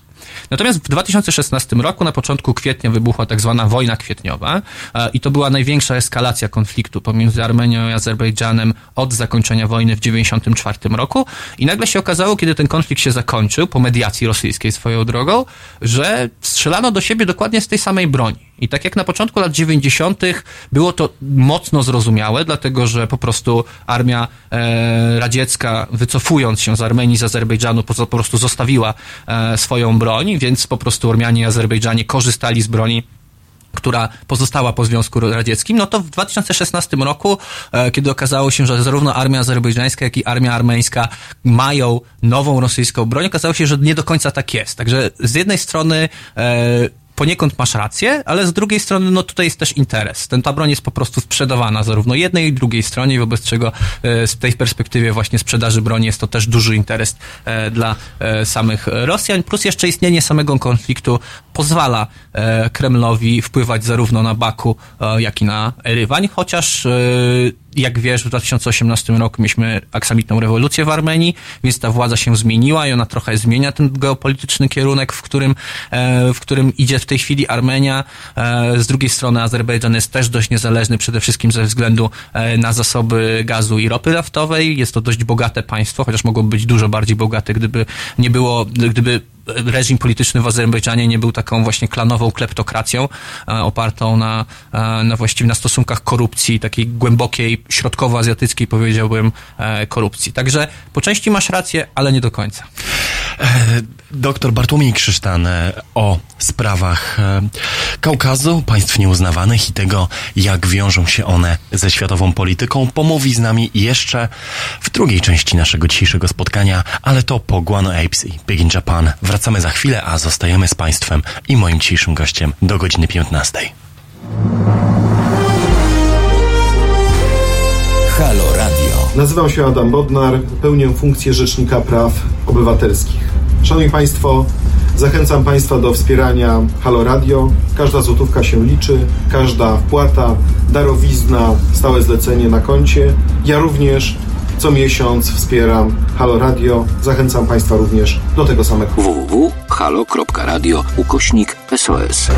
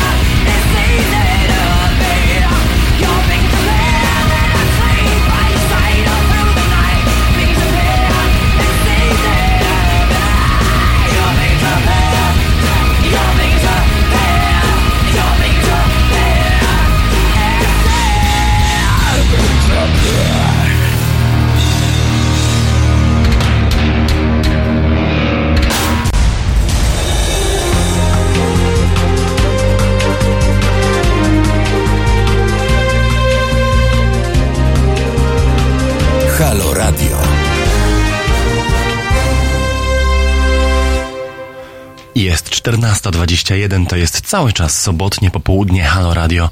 Ze mną Jakubem Dymkiem i moim gościem, doktorem Bartłomiejem Krzysztanem. Dzień dobry raz jeszcze i cześć. No, dzień dobry raz jeszcze. Ty powiedziałeś w pierwszej części naszej dzisiejszej rozmowy właściwie zacząłeś od tego, że mylne jest postrzeganie przez nas w Polsce państw nieuznawanych jako takich podobnych do siebie analogicznych bytów, które gdzieś tam z mgławicy po rozpadzie Związku Radzieckiego pojawiły się na mapie. Powiedz teraz, dlaczego to jest błąd i dlaczego one wcale nie są do siebie podobne? To znaczy tak, jest taki, takie słowo wytrych, które jest używane do każdego z tych konfliktów i właściwie chyba do wszystkiego, co politycznie dzieje się w przestrzeni, która przed rokiem 1991 była częścią Związku Radzieckiego, to znaczy używa się tego słowa postradziecki albo postsowiecki. No więc te konflikty bardzo często są określane konfliktami postsowieckimi. I szczerze powiedziawszy, ja nie do końca wiem, co ten postsowiecki ma znaczyć, poza tym, że wszystkie te konflikty, jak i państwa, które uczestniczą w tych konfliktach, były częścią Związku Radzieckiego. Okej, okay, jest to istotne, ale to nie jest argument wiążący, bo jeżeli uznalibyśmy, że postsowiecki oznacza konflikt, który, który jest wynikiem tego, że istniał Związek Radziecki i się rozpadł, to zasadniczo wydaje mi się, że moglibyśmy w ten sposób nazwać wyłącznie konflikt w Naddniestrzu, ewentualnie osetyjski, ale też nie w całości. Dlatego, że Naddniestrze, czyli region, który jest separatystycznym, separatystyczną częścią e, Mołdawii, e, leżącą e, na lewym brzegu Dniestru, to rzeczywiście jest konflikt związany z czasami sowieckimi. Naddniestrze było miejscem, które było bardziej przemysłowe, południowa część Mołdawii jest znacznie bardziej rolnicza, w północnej części jest znacznie bardziej w czasach sowieckich była była znacznie bardziej zróżnicowana etnicznie. E, mieszkało tam bardzo dużo Rosjan, Ukraińców, również Polaków, Ormian, Żydów, Mołdawian e, także. I faktycznie ta różnica ekonomiczno-społeczna spowodowała, że miejscowa elita, to byli najczęściej dyrektorzy kołchozów, dyrektorzy dużych e, przemysłowych e, instalacji, po prostu zdecydowali się, że opłaca im się utworzyć takie państwo, no i faktycznie to jest poniekąd konflikt postsowiecki. Inne z nich, przede wszystkim abchaski i e, górsko-karabachski, są konfliktami etnicznymi albo etnopolitycznymi, więc tutaj mamy dodatkowy element. E, w Naddniestrzu przykładowo mieszka bardzo dużo Mołdawian, więc tam nie ma tego elementu etnicznego i ten etnicznej nienawiści. Można powiedzieć, że jest to konflikt czysto polityczny, więc poniekąd jest postsowiecki. W przypadku Górskiego Karabachu właściwie korzeni tegoż konfliktu można szukać e, w momencie, kiedy w, wieku XIX, a może nawet jeszcze wcześniej, kiedy rozgrywała się walka pomiędzy Persją i Imperium Rosyjskim o panowanie nad mm, Kaukazem Południowym. E, to był czas, kiedy e, były bardzo duże przymuszone najczęściej ruchy e, ludnościowe. Część Ormian z Persji przenosiła się na tereny e, dzisiejszej Armenii, dzisiejszego Górskiego Karabachu. Azerbejdżanie przenosili się w drugą stronę. E, potem dwie wojny persko-rosyjskie w pierwszej połowie XIX stulecia zmieniały bardzo w dużej mierze te etniczne podziały. No i potem druga połowa XIX wieku, czyli odrodzenie narodowe e, w Armenii i rodzenie się tak naprawdę tożsamości narodowej e, w takim współczesnym rozumieniu e, w Azerbejdżanie. I w tym momencie rok 1905 i to, co zostało opisane w rosyjskich źródłach jako wojna armeńsko-tatarska, a później rzezie, które miały miejsce zarówno na terytorium współczesnego Azerbejdżanu, jak i Armenii, więc te napięcia etniczne, one rzeczywiście mają długą historię i one wybuchały, później były wygaszane, i potem wybuchały z powrotem. I one zostały tak wygaszone na te 70 lat e, istnienia e, Związku Radzieckiego, po czym wzmogły się z powrotem pod koniec e, lat 80. W 88 roku powstał Ruch Karabachski, taka organizacja w Armenii, która skupiała opozycjonistów ormiańskich, którzy postulowali przyłączenie autonomicznego okręgu górsko-karabachskiego, który należał do Azerbejdżanu, do Armeńskiej Republiki. Z tego powstał tak naprawdę ruch antysowiecki, który później doprowadził doprowadził do niepodległości Armenii w roku 91, więc to jest konflikt, który nazwałbym bardziej etnopolitycznym i ten, ta postsowieckość ma tylko częściowo e, znaczenie. Równie długą historię zresztą ma konflikt abchaski, dlatego że on jest w dużej mierze związany e, z tak zwanym muhadżyrstwem, dlatego że Abchazowie należą do, w przeciwieństwie do Gruzinów, przynajmniej części z nich należą do, e, do, do ludów północno-kaukaskich, wobec czego razem z Czerkiesami z Kabardynami, e, z Czeczenami, Inguszami i tak dalej. Walczyli dość intensywnie o niezależność e, od Imperium Rosyjskiego w XIX wieku. No i po tym, kiedy e, Rosjanie finalnie e, po zlikwidowaniu e, powstania imama Szamila zajęli północny Kaukaz, bardzo wielu Abchazów razem z Czerkisami musiało uchodzić przez e, Morze e, Czarne do Turcji. No tam się odbyła taka regularna rzeź. Niektórzy czerkiescy i abchazcy e, politycy uważają, że ona powinna zostać uznana za jedno z pierwszych ludobójstw takich e, modernistycznych, e, wobec czego w miejsce Abchazów zaczęli pojawiać się Gruzini, którzy osiedlali się e, na terytoriach współczesnej Abchazji. No i na początku żyli tylko i wyłącznie w tej części wschodniej, później przesuwali się coraz bardziej w stronę Suchumi, e, Gagry i tak dalej. No i te konflikty etniczne między Gruzinami i Rosjan i Abchazami były również intensyfikowane od czasu do czasu. No i w latach sowieckich to jest sowiecki element związany właśnie z mm, kwestią Abchazji. Mieliśmy do czynienia z takim podwójnym doświadczeniem kolonizacji, nazwałbym to w ten sposób. Dlatego, że z jednej strony zarówno Gruzja, jak i Abchazja, która była autonomiczną republiką w ramach e, Gruzińskiej Republiki Socjalistycznej, były dość mocno rusyfikowane, ale z drugiej strony Gruzini, którzy w pewnym momencie niemalże uzyskali większość liczbową w Abchazji, dokonywali takiego procesu gruzinizacji Abchazów. E, wobec czego to jest takie podwójne doświadczenie i to jest wynik faktycznie tej polityki e, z czasów sowieckich. Poniekąd postsowiecka jest też kwestia Osetii Południowej, dlatego że e, faktycznie zmiany, które przeprowadził niejaki Józef Stalin, który do 24 roku był szefem, mm, szefem, e, odpowiadał za politykę narodowościową e, w Rosji Radzieckiej. E, W dużej mierze to, co stało się wówczas w latach 20. i latach 30., te przesiedlenia poszczególnych narodów dość mocno namieszało na Kaukazie Południowym, między innymi też w Osetii Południowej, która tak naprawdę jest bardzo historyczną częścią Gruzji. Gruzini sami nawet nie używają nazwy Osetia Południowa, tylko mówią sama Czablo, e, wobec czego to jest też jakiś tam element sowiecki. Natomiast jak widzisz, no to są tylko, mówię tylko o kwestiach etnicznych, natomiast są już też kwestie społeczne, kulturowe, e, odmienności językowe, które powodują, że jakby wykorzystywanie tylko jednego kryterium, czyli tego kryterium postsowieckości jest dużym nadużyciem i dużym uproszczeniem.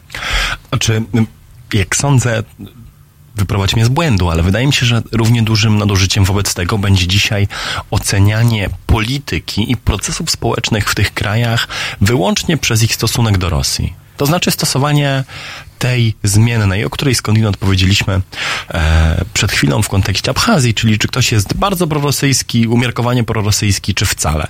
Jak rozumiem, ich dzisiejsze koleje także choć mogłoby się tak z zewnątrz wydawać, nie są wyłącznie określane przez stosunek do Rosji i relacje danego państwa z Federacją Rosyjską. Znaczy nie możemy powiedzieć, że to nie jest istotne, bo to jest jeden z najważniejszych elementów, ale zdecydowanie jest ich więcej. Na przykład w konflikcie karabachskim ten czynnik rosyjski jest o tyle istotny, że faktycznie to jest kwestia broni, natomiast e, to jest zdecydowanie już konflikt, który jest na poziomie państwowym. To jest konflikt między dwoma państwami formalnie, e, pomiędzy Armenią i Azerbejdżanem. E, no i Rosja jest tak naprawdę, to jest jest na pewnym marginesie, ale nie jest to element najistotniejszy. Wcześniej powiedziałeś na przykład, e, że ten stosunek do Rosji może być istotny i im bardziej samo państwo tytularne jest prorosyjskie, tym mniejszy jest problem z tym miejscem. No i trochę temu przeczy też kwestia na przykład Mołdawii, dlatego że w Mołdawii e, ta dynamiczna scena polityczna w pewnym momencie tak mocno skręciła na pozycje prorosyjskie, kiedy władzę przyjęli w e, Mołdawii socjal, socjaldemokraci. Było takie dość intensywne zbliżenie z Rosją, a wiemy, że Rosja wspiera e, w dużej mierze właśnie niezależność e, Naddniestrza, no i okazało się, że fakt faktem niewiele to dało. I ten konflikt w dalszym ciągu istnieje, e, przede wszystkim dlatego, że Naddniestrze to jest takie państwo, można powiedzieć, przemytnicze, dzisiaj trochę mniej, no ale tak naprawdę to jest główny, jeden, jeden z głównych obszarów ekonomicznych samego Naddniestrza, on graniczy zresztą z Odessą, między innymi dlatego Misza Saakaszwili, były prezydent Gruzji, został wybrany przez Poroszenkę na gubernatora Odessy. On miał się zająć przede wszystkim właśnie tym, czyli uszczelnieniem tej przemytniczej granicy oddzielającej obwód od e, Naddniestrza. Nie do końca mu się to udało. E, Te nieformalne siły, które decydowały właśnie o przemycie pomiędzy Naddniestrzem i obwodem odeskim, e, wygrały z Miszą e, Saakaszwilim. Więc zasadniczo ten czynnik rosyjski jest dość istotny, ale nie jest, nie decyduje o wszystkim. W przypadku takiego szerszego kontekstu można wspomnieć na przykład o Iranie, dlatego że on jest bardzo ciekawy w kontekście Górskiego Górskiego Karabachu. To jest zresztą Iran, Iran teraz jest tematem e, na czasie. Mamy bardzo wielu nowych, nowo mianowanych ekspertów od Iranu, e, jak możemy zauważyć. E, I Iran jest dość ciekawym przypadkiem w kontekście właśnie wpływu na Kaukaz Południowy, dlatego że z jednej strony Azerbejdżan podzielony jest tak naprawdę na dwie części. Z jednej strony mamy to, co jest dzisiaj niezależną Republiką Azerbejdżanu, z drugiej strony jest Azerbejdżan, który jest e, częścią Iranu. Jest republiką w ramach Iranu. Azerbejdżanie stanowią jedną z największych grup etnicznych e, w samym Iranie. E, Skupieni są wokół miasta Tebris, jednego z największych zresztą miast e, w samym Iranie. Są partie takie bardzo skrajnie radykalnie e, pronarodowościowe w, w Azerbejdżanie, jak na przykład Musawat, które postulują zjednoczenie. E, jest ta sama religia i to jest też ciekawe, dlatego że e, Azerbejdżanie uważają się za lud e, turkijski, natomiast są szyitami, w przeciwieństwie do Turków, więc wyznają tę samą religię, którą wyzna, wyznaje Iran. E, ale kwestia jest o tyle ciekawa, że granica z Iranem to jest jedyna granica, oprócz granicy z Gruzją, którą posiada Armenia. I tak naprawdę Iran jest dużo bardziej, wbrew na przykład tej ummie, tej wspólnocie wierzących szyitów, jest bardzo mocno proormiański, wspiera Armenię w tym, w tym konflikcie e, z Azerbejdżanem, co wynika przede wszystkim z tego, że Azerbejdżan jest bardzo mocno wspierany przez Turcję. E, W Turcji, e, a przede wszystkim w Azerbejdżanie, w Turcji nie tak mocno, ale w Azerbejdżanie w latach 90. bardzo mocno była promowana taka idea dwóch państw i jednego narodu który miał łączyć właśnie Azerbejdżan z Turcją, wobec czego, żeby niwelować ten wpływ Turcji na konflikt karabaski, Iran wspiera Armenię. wspiera Dokładnie Armenię. tak.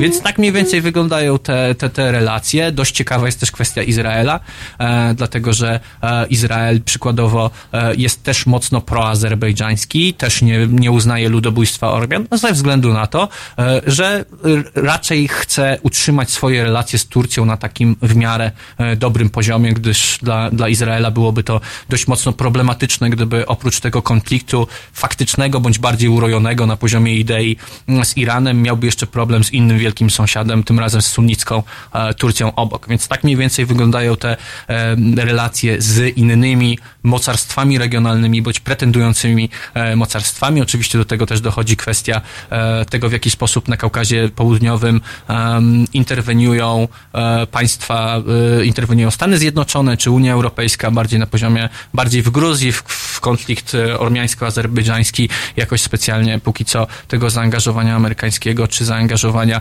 Unii Europejskiej nie widać. A czy ktoś tam się ogląda na przykład na Chiny? W państwach nieuznawanych? Tak. Mm, Wiesz, to na pewno ma to duże znaczenie. Jest też dość, e, mogę, mogę odnieść się do pewnego przykładu. E, Saakaszwili w pewnym momencie wymyślił projekt, e, który miał być wybudowanie nowego, wielkiego portu głębinowego na Morzu Czarnym. On zbudował praktycznie od zera taką miejscowość, która się nazywa Naklia i ona się znajduje przy samej tej nieformalnej granicy, ale działającej granicy pomiędzy Abchazją i Megrelią, czyli ostatnim gruzińskim regionem w północno-zachodniej Gruzji. Pomysł był taki, że Anaklia ma być po prostu dobrze rozwijającym się miastem, które Abchazowie będą widzieć ze swojego wybrzeża i po prostu przyciągnie ich to z powrotem e, w gruzińskie, e, w gruzińskie ramiona. E, Po tym, kiedy Saakaszwili przestał być prezydentem Gruzji, kiedy jego ugrupowanie przestało być partią rządzącą, ten projekt trochę podupadł, natomiast pozostał projekt zbudowania tego portu głębinowego i właśnie wczoraj pojawiła się informacja, że po długich pertraktacjach, tam było strasznie dużo przetasowań w międzyczasie, Słuchacze, słuchacze pytają, co to jest port głębinowy. E, Morze Czarne jest zasadniczo dość płytkie, więc żeby obsługiwać głębokie kontenerowce, po prostu trzeba było przy brzegu pogłębić e, Morze Czarne. To się ładnie nazywa, po angielsku się nazywa Deep Seaport. E, Więc na morzu, z czego co wiem, nie jestem ekspertem w kwestiach marynistycznych, ale w, wiem, że po prostu trzeba było pogłębić odrobinę to wybrzeże w okolicach tego miejsca, gdzie miał się znaleźć ten port, żeby można go było wybudować. W każdym razie wczoraj okazało się, że rząd gruzińskiego marzenia zdecydował o tym, że ten port e, nie powstanie. E, No i tutaj jest ten wątek chiński dość istotny, dlatego że w konkursie na, e, na zbudowanie tego portu startowały dwa konsorcja. Jedno to było konsorcjum, konsorcjum amerykańsko-gruzińskie, drugie to było konsorcjum chińskie. I zasadniczo, mimo że to chińskie konsorcjum nie wygrało wówczas tego przetargu, wygrało go to amerykańsko-gruzińskie w dość niejasnych okolicznościach do dzisiaj, to głosy Na były pewno takie... mieli lepszą ofertę. Tak, zdecydowanie mieli lepszą ofertę. Te głosy były takie, że to będzie jednak taka brama, którą Chińczycy będą mogli e, przedostać się e, do Europy. Dlatego, że jakby Gruzja w tej chwili stara się przynajmniej, e, wykorzystując port w Batumi w Poti i potencjalnie również ten, który powstaje w Anakli, bo pewnie prędzej czy później on powstanie, być może inne konsorcjum podejmie tę budowę. To są wewnętrzne sprawy gruzińskie, które wynikają z pewnego konfliktu pomiędzy Bizino Iwaniszwilim, czyli najbogatszym człowiekiem w Gruzji oraz jednym z szefów tego konsorcjum, który nazywa się Mamuka Kazawadze i on jest związany z bankiem TBC, nieważne. W każdym razie to, jest pewne, to będzie pewne okno dla Chińczyków, dlatego że wiemy, że ta rywalizacja rosyjsko-chińska na Kaukazie Południowym i także w Azji Centralnej e, jest dość e, istotna. Czasami ona się sprowadza do współpracy, ale jednak to jest rywalizacja. No i gdyby ten port faktycznie powstał, to wówczas Gruzja mogła stać się dużo bardziej atrakcyjna dla firm e, z Unii Europejskiej, które przez Rumunię i Bułgarię miałyby dostęp do Gruzji. No a z Gruzji już mamy otwarte okno na Azerbejdżan, potem Morze Kaspijskie, przekraczamy Morze Kaspijskie, jesteśmy w Azji Środkowej, która tak naprawdę ekonomicznie w tej chwili zależy dużo bardziej od y, Chin niż od Rosji. 14.37 dr Bartłomiej Krzysztan jest naszym gościem do rozmowy o Kaukazie i o tym, jak globalna sytuacja wpływa na państwa nieuznawane. Wrócimy w ostatniej części naszej dzisiejszej sobotniej audycji. Zostańcie z nami do 15.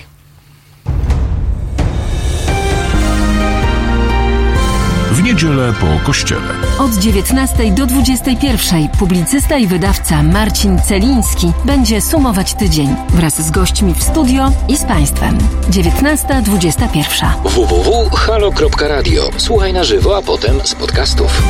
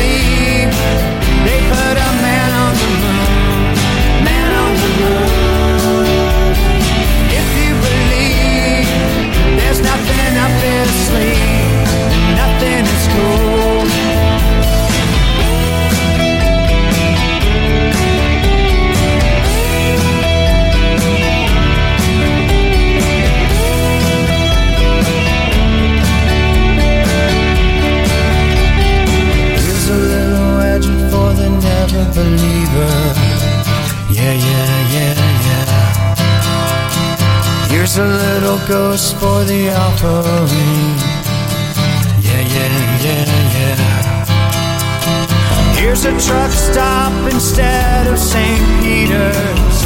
Yeah, yeah, yeah, yeah. Mr. Andy Kaufman's gone missing. Yeah, yeah, yeah, yeah. Now, Andy, did you hear about this one? Tell me, are you locked in the? Hey, Andy, are you goofing on Elvis? Baby,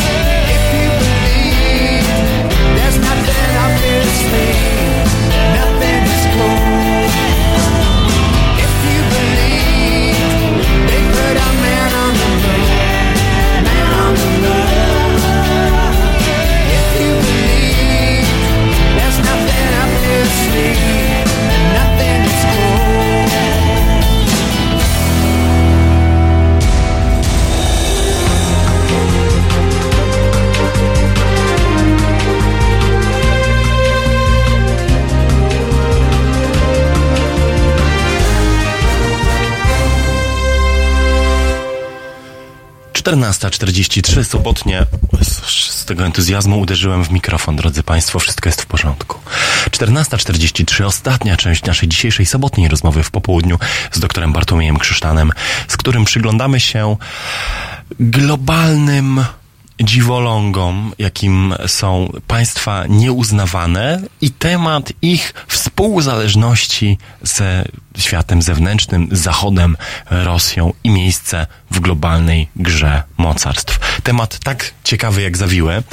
Bartku, ja chcę Ciebie zapytać wobec tego w tej ostatniej części naszego dzisiejszego spotkania o to, na ile w ogóle przyszłość tych państw nieuznawanych jest w świecie demokracji, tak? I na ile to, co my tutaj z perspektywy zachodniej europejskiej e, chcielibyśmy eksportować, czy do niedawna jeszcze chcieliśmy eksportować do wszystkich naszych sąsiadów, jest w ogóle w takiej Abchazji, Osetii czy Nagornym Karabachu w ogóle punktem odniesienia? Czy może ten świat, y, bo zaczęliśmy przecież od protestów w Abchazji, czy ten świat politycznych roszczeń, dążeń, marzeń i ambicji mieszkańców, mieszkanek tych krajów mieści się w jakimś zupełnie innym polu niż, niż tylko liberalna demokracja? To jest bardzo ciekawe pytanie, dlatego że ono jest w dużej mierze wielowątkowe i poniekąd wracamy do początku, bo na samym Czyli początku... tego, że nie, republika nieuznawana republice nieuznawanej nierówna. nierówna i że część z nich jest bardziej prodemokratyczna, część jest mniej demokratyczna. Natomiast e, ja bym popatrzył e, na, ta, na to zagadnienie z trochę innej perspektywy. To znaczy popatrzyłbym na to z perspektywy tego, w jaki sposób szeroko pojęty Zachód, w jaki Unia Europejska i te wszystkie instytucje powiązane z zachodnim trzonem wartości próbują wpływać na rozwiązanie e, poszczególnych konfliktów e, zamrożonych, chociaż część z nich właściwie nie jest zamrożona jakkolwiek, bo Górski Karabach przykładowo jest ciągłą linią frontu. Ja mam takie wrażenie, nie jest to zresztą tylko, tylko moja opinia, tylko coraz więcej badaczy zajmujących się e, tymi konfliktami, tymi państwami nieuznawanymi, zwraca uwagę, że poniekąd zatrzymaliśmy się w, takim, w takiej liberalnej pułapce, że Unia Europejska i świat Zachodu sam wepchnął się w liberalną pułapkę, dlatego że uznaliśmy, po pierwsze, że nasz trzon wartości jest na tyle zachęcający, że wszyscy będą chcieli do niego przeć niezmiennie Jako przykład mogę tutaj podać taki ciekawy dość e, sondę uliczną, którą miałem okazję e, obejrzeć e, parę dni temu. Ona się odbyła, e, była przeprowadzona na ulicach Duszanbe, czyli stolicy Tadżykistanu. No i e, ci e, Tadżycy zahaczani na ulicy byli pytani o to, e, jaka jest perspektywa na toczący się konflikt amerykańsko-irański. No i co jest ciekawe, e, większość Tadżyków e, powiedziała, że no, my jesteśmy zwolennikami demokracji i pokoju w regionie, ale z drugiej strony, no, mimo wszystko to, to co robią Amerykanie, e, nie do końca jest takie, jak powinno, to jest agresywna siła i tak dalej, i tak dalej. Także w Azji Centralnej przede wszystkim bardzo często Stany Zjednoczone są postrzegane w takiej perspektywie, w jakiej my w Polsce powszechnie przyjęliśmy przyjmować Rosję. Rosję. To znaczy jako agresywne mocarstwo, które próbuje e, uzyskać to, co chce, e, wykorzystując metody, które nie do końca e, są powiązane z, z, z wartościami, które są w konkretnych miejscach. I na czym polega moim zdaniem to takie liberalne, liberalny problem z podejściem do konfliktów zamrożonych. Mamy pewne organizacje, które działają od dziesiątek lat. Mamy OBWE, które kontroluje chociażby e, kwestię tego, czy wybory w poszczególnych państwach e, odbywają się zgodnie e, z wytycznymi. Tak? OBWE ma swoją metodologię. W ramach tej metodologii każdy z ty, każde z tych wyborów jest rozpatrywane dokładnie w ten sam sposób. Tylko kwestia jest taka, że na przykład kiedy obserwujemy wybory w Mołdawii, czy obserwujemy wybory w Armenii, na przykład pytanie, niezwykle istotne oczywiście, o równość płciową, o to, czy kobiety są e, na takim samym poziomie reprezentowane e, w komisjach wyborczych, ono jest absolutnie nierelevantne. Dlatego jest nierelevantne, dlatego że w Mołdawii e, prawie 50% mężczyzn pracuje na saksach. Ich po prostu tam nie ma, wobec czego tam jest nadreprezentacja w kobiet w komisjach. I w tym momencie to pytanie o równość płciową, ono jest już wypaczone. No jest oczywiście oczywisty błąd badań, badań ilościowych. Jest oczywiście wysoki komisarz do spraw uchodźców, który kontroluje kwestie związane z gruzińskimi uchodźcami e, z Abchazji i Osetii Południowej po 2008 roku. Jest e, misja e, specjalna Unii Europejskiej, która zajmuje się monitorowaniem tych stref przygranicznych pomiędzy Gruzją, Abchazją i Osetią Południową i oczywiście wszystkie, wszystkie sposoby, które są e, w pewien sposób e, implementowane na miejscu, one wynikają w dużej mierze z tego, że próbujemy budować pewne pola dialogu. Tylko, że w przypadku większości z tych konfliktów tam nie ma pól dialogu, no bo na jakiej zasadzie możemy rozmawiać, jeżeli w przypadku konfliktu abchaskiego e, każdy napotkany na ulicy Gruzin powie, że konflikt w Abchazji i Osetii to nie jest konflikt gruzińsko-abchazki gruzińsko-osetyjski, tylko 20% terytorium Gruzji jest kontrolowane i okupowane przez Rosję. Więc to jest zupełnie inny poziom odniesienia. I Gruzini na przykład nie dostrzegają tego, że faktycznie w Abchazji są ruchy pro-niepodległościowe, które faktycznie chciałyby żyć w niepodległym państwie. Ja sam osobiście miałem taką przygodę swego czasu w Abchazji. Spotkałem e, abchazkiego byłego żołnierza, m, z którym jechałem na stopie e, i on mi powiedział, że on jest wściekły na to, że jego współobywatele przyjmują bezmyślnie paszporty rosyjskie i podróżują na paszporcie rosyjskim. On powiedział, że on walczył o niepodległą Abchazję i o to, żeby móc nosić paszport abchazki.